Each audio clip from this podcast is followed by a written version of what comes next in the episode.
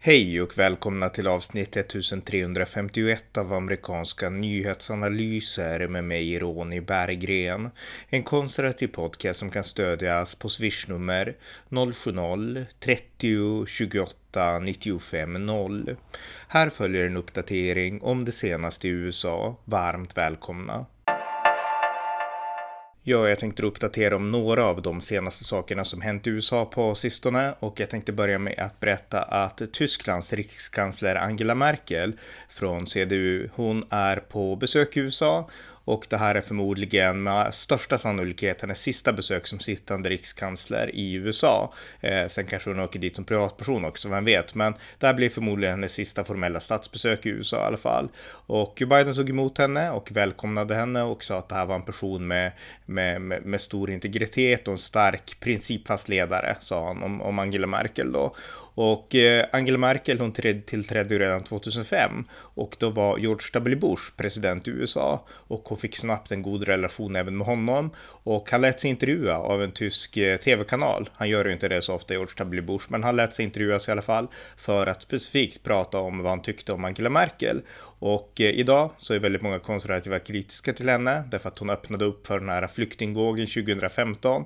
Men Bush påminde om att eh, han hoppades att hon inte skulle dömas för, för just den saken specifikt, utan han, eh, han påminde om allt som hon hade gjort bra. Eh, när han styrde själv, George W. Bush, då var ju innan Angela Merkel eh, tillträdde 2005, innan hennes var det ju Gerhard Schröder eh, som styrde i Tyskland och han var en antiamerikan. Han hyste oerhört stor antipati mot George W. Bush, eh, i princip samma känslor som många världsledare idag har visat sig ha mot Donald Trump. Eh, Gerhard Schröder var likadan mot George W. Bush och han byggde i princip sin egen omvalskampanj i Tyskland på sin personliga antipati mot George W. Bush. Så stor tysk antiamerikanism på den tiden. Eh, Angela Merkel, hon tog över då och hon hade en helt annan attityd till USA än vad Gerhard Schröder hade haft och hon byggde upp en god vänskaplig relation till USA trots att USA styrdes av George W. Bush och eh, hon bröt med den tyska antiamerikanismen och det är en av de här viktigare sakerna som hon ändå har gjort. Det är lätt idag att, eller vi, vi, tiden har gått så vi har kanske glömt bort hur mycket antiamerikanism det fanns där i mitten av 2000-talet här i Europa. Och Angela Merkel bröt med den och det tycker jag såklart är väldigt bra. Och jag är ju idag väldigt kritisk till Angela Merkel, mest på grund av flyktingpolitiken och att besvikelse på CDU i mångt och mycket och Tysklands roll i Europa och sådär. Men det här var en väldigt bra sak som hon gjorde och eh, det var bra att Bush påminde om det. Eh, men i alla fall, det finns saker där USA och Tyskland fortfarande är oense i olika sakfrågor. Och eh, tillsammans med president Biden så diskuterades några av dem. En av dem är Nord Stream 2, eh, den här gasledningen till Ryssland som USA är kritiska till. Så att det diskuteras lite grann. Det är ju fortfarande inte öppet för europeiska turister att åka in i USA och den saken togs också upp och Biden sa att man kommer att ja, fatta ett beslut inom väldigt kort på den här frågan och så. Så att det fanns en del sådana frågor att avhandla. Eh, man diskuterade också USAs och NATOs tillbakadragande från Afghanistan, eh, vilket nu verkar leda till en stor humanitär katastrof och talibanerna har ju tagit över 85 procent av landet och eh, det här var någonting som George W. Bush också pratade om i intervjun, att han gladde sig åt att Angela Merkel hade stött ja, bygget av, av, av Afghanistan Tyskland hade skickat dit träningsgrupper för att träna upp afghansk polis egentligen. Det gick lite sådär, men det var det Tyskland gjorde.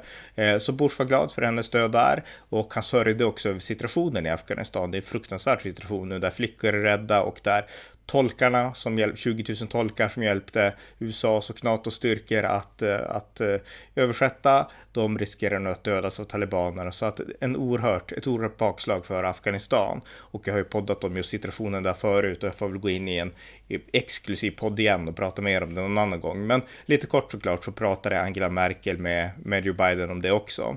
Eh, hon, eh, ja, eh, så att det här blir förmodligen hennes sista, sista besök som, som sittande eh, regeringschef då.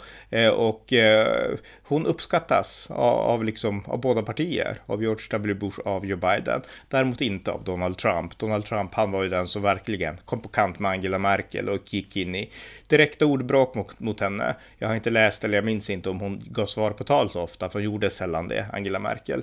Eh, så att det kanske var bara Donald Trump som hamrade på där. Men hur som helst, hon går bra ihop med Joe Biden och hon gick bra ihop med George W. Bush och det finns många styrkor, hur kritisk man än är idag till henne, som, som är lätt att glömma bort också och som har påmints om de här dagarna. Så att eh, ändå ett positivt intryck av Angela Merkel. Eh, vi kan gå vidare till nästa nyhet och det är att den konservativa radiovärlden, Larry Elder, som eh, Pelle Zackrisson eh, intervjuade en gång på Nyheter idag faktiskt, för inte så länge sedan. Eh, han eh, kommer att kandidera till guvernör i Kalifornien.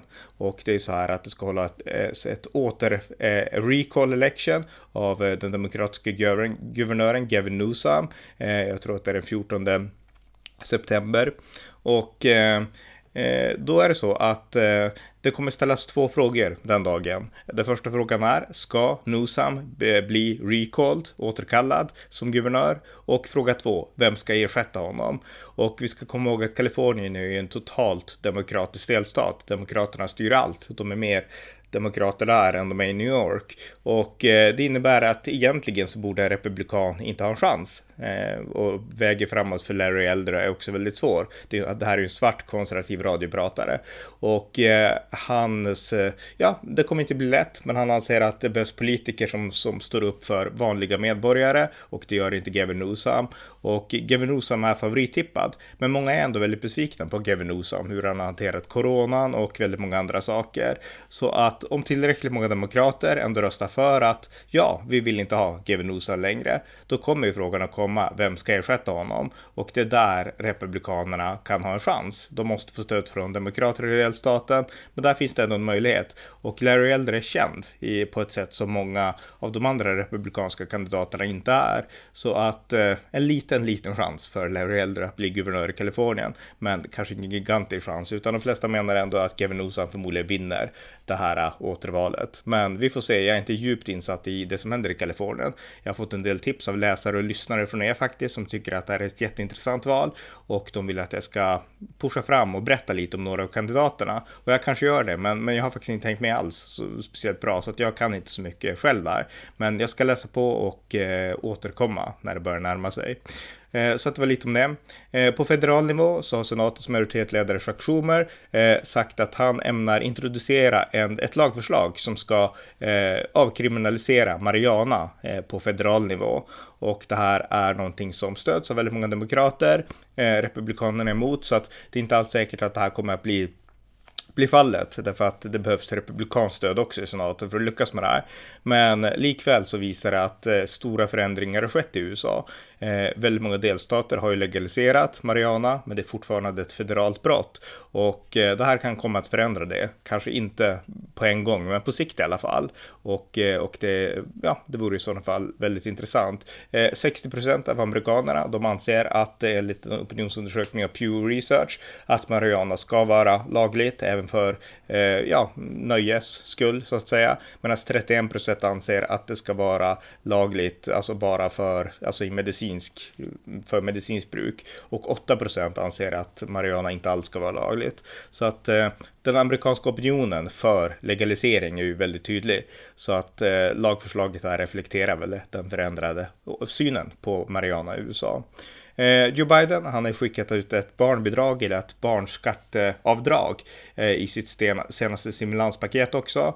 Och det här har den första, eh, ja, paycheck, den första utbetalningen har kommit nu i alla fall. Och väldigt många fattiga amerikaner inte minst är glada för det här.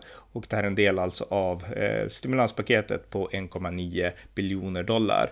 Eh, och eh, ja, det innebär helt enkelt att Eh, Eh, familjer eh, ska kunna få upp till 2000 dollar per barn. Eh, och, och, eh, det är ganska mycket pengar, jag antar att det är per år då, som, som det styckas upp och så. Så att eh, det här är ett steg för för fattiga i USA att på något sätt komma uppåt. Republikaner brukar ofta vara kritiska till sådana här bidrag och eh, USA har ett helt annat system när det kommer till sånt här än till exempel Sverige. Men i alla fall, det här har börjat skickas ut nu och man kan se inslag på glada familjer och så. Eh, vad det här blir på sikt och så, det vet jag inte, men hur som helst, barnavdragen har, har börjat skickas ut och det har också också justera så att även low income parents, alltså de som tjänar väldigt lite, ska kunna få eh, ja, tillräckligt mycket pengar och så. För det handlar i grund och botten om ett skatteavdrag. Och för att kunna göra sådana måste man ju tjäna pengar också. Och det innebär att de som tjänar riktigt lite, deras barn kan bli utan. Eller det var så tidigare, men det har man justerat nu så att, att det inte ska kunna, kunna bli så. Eh, så att det var lite om Bidens barnbidrag för att förklara saken enkelt. Eh, nästa sak, det är att eh, USAs utrikesminister Anthony Blinken, han bjuder in FN för att granska systematisk rasism i USA.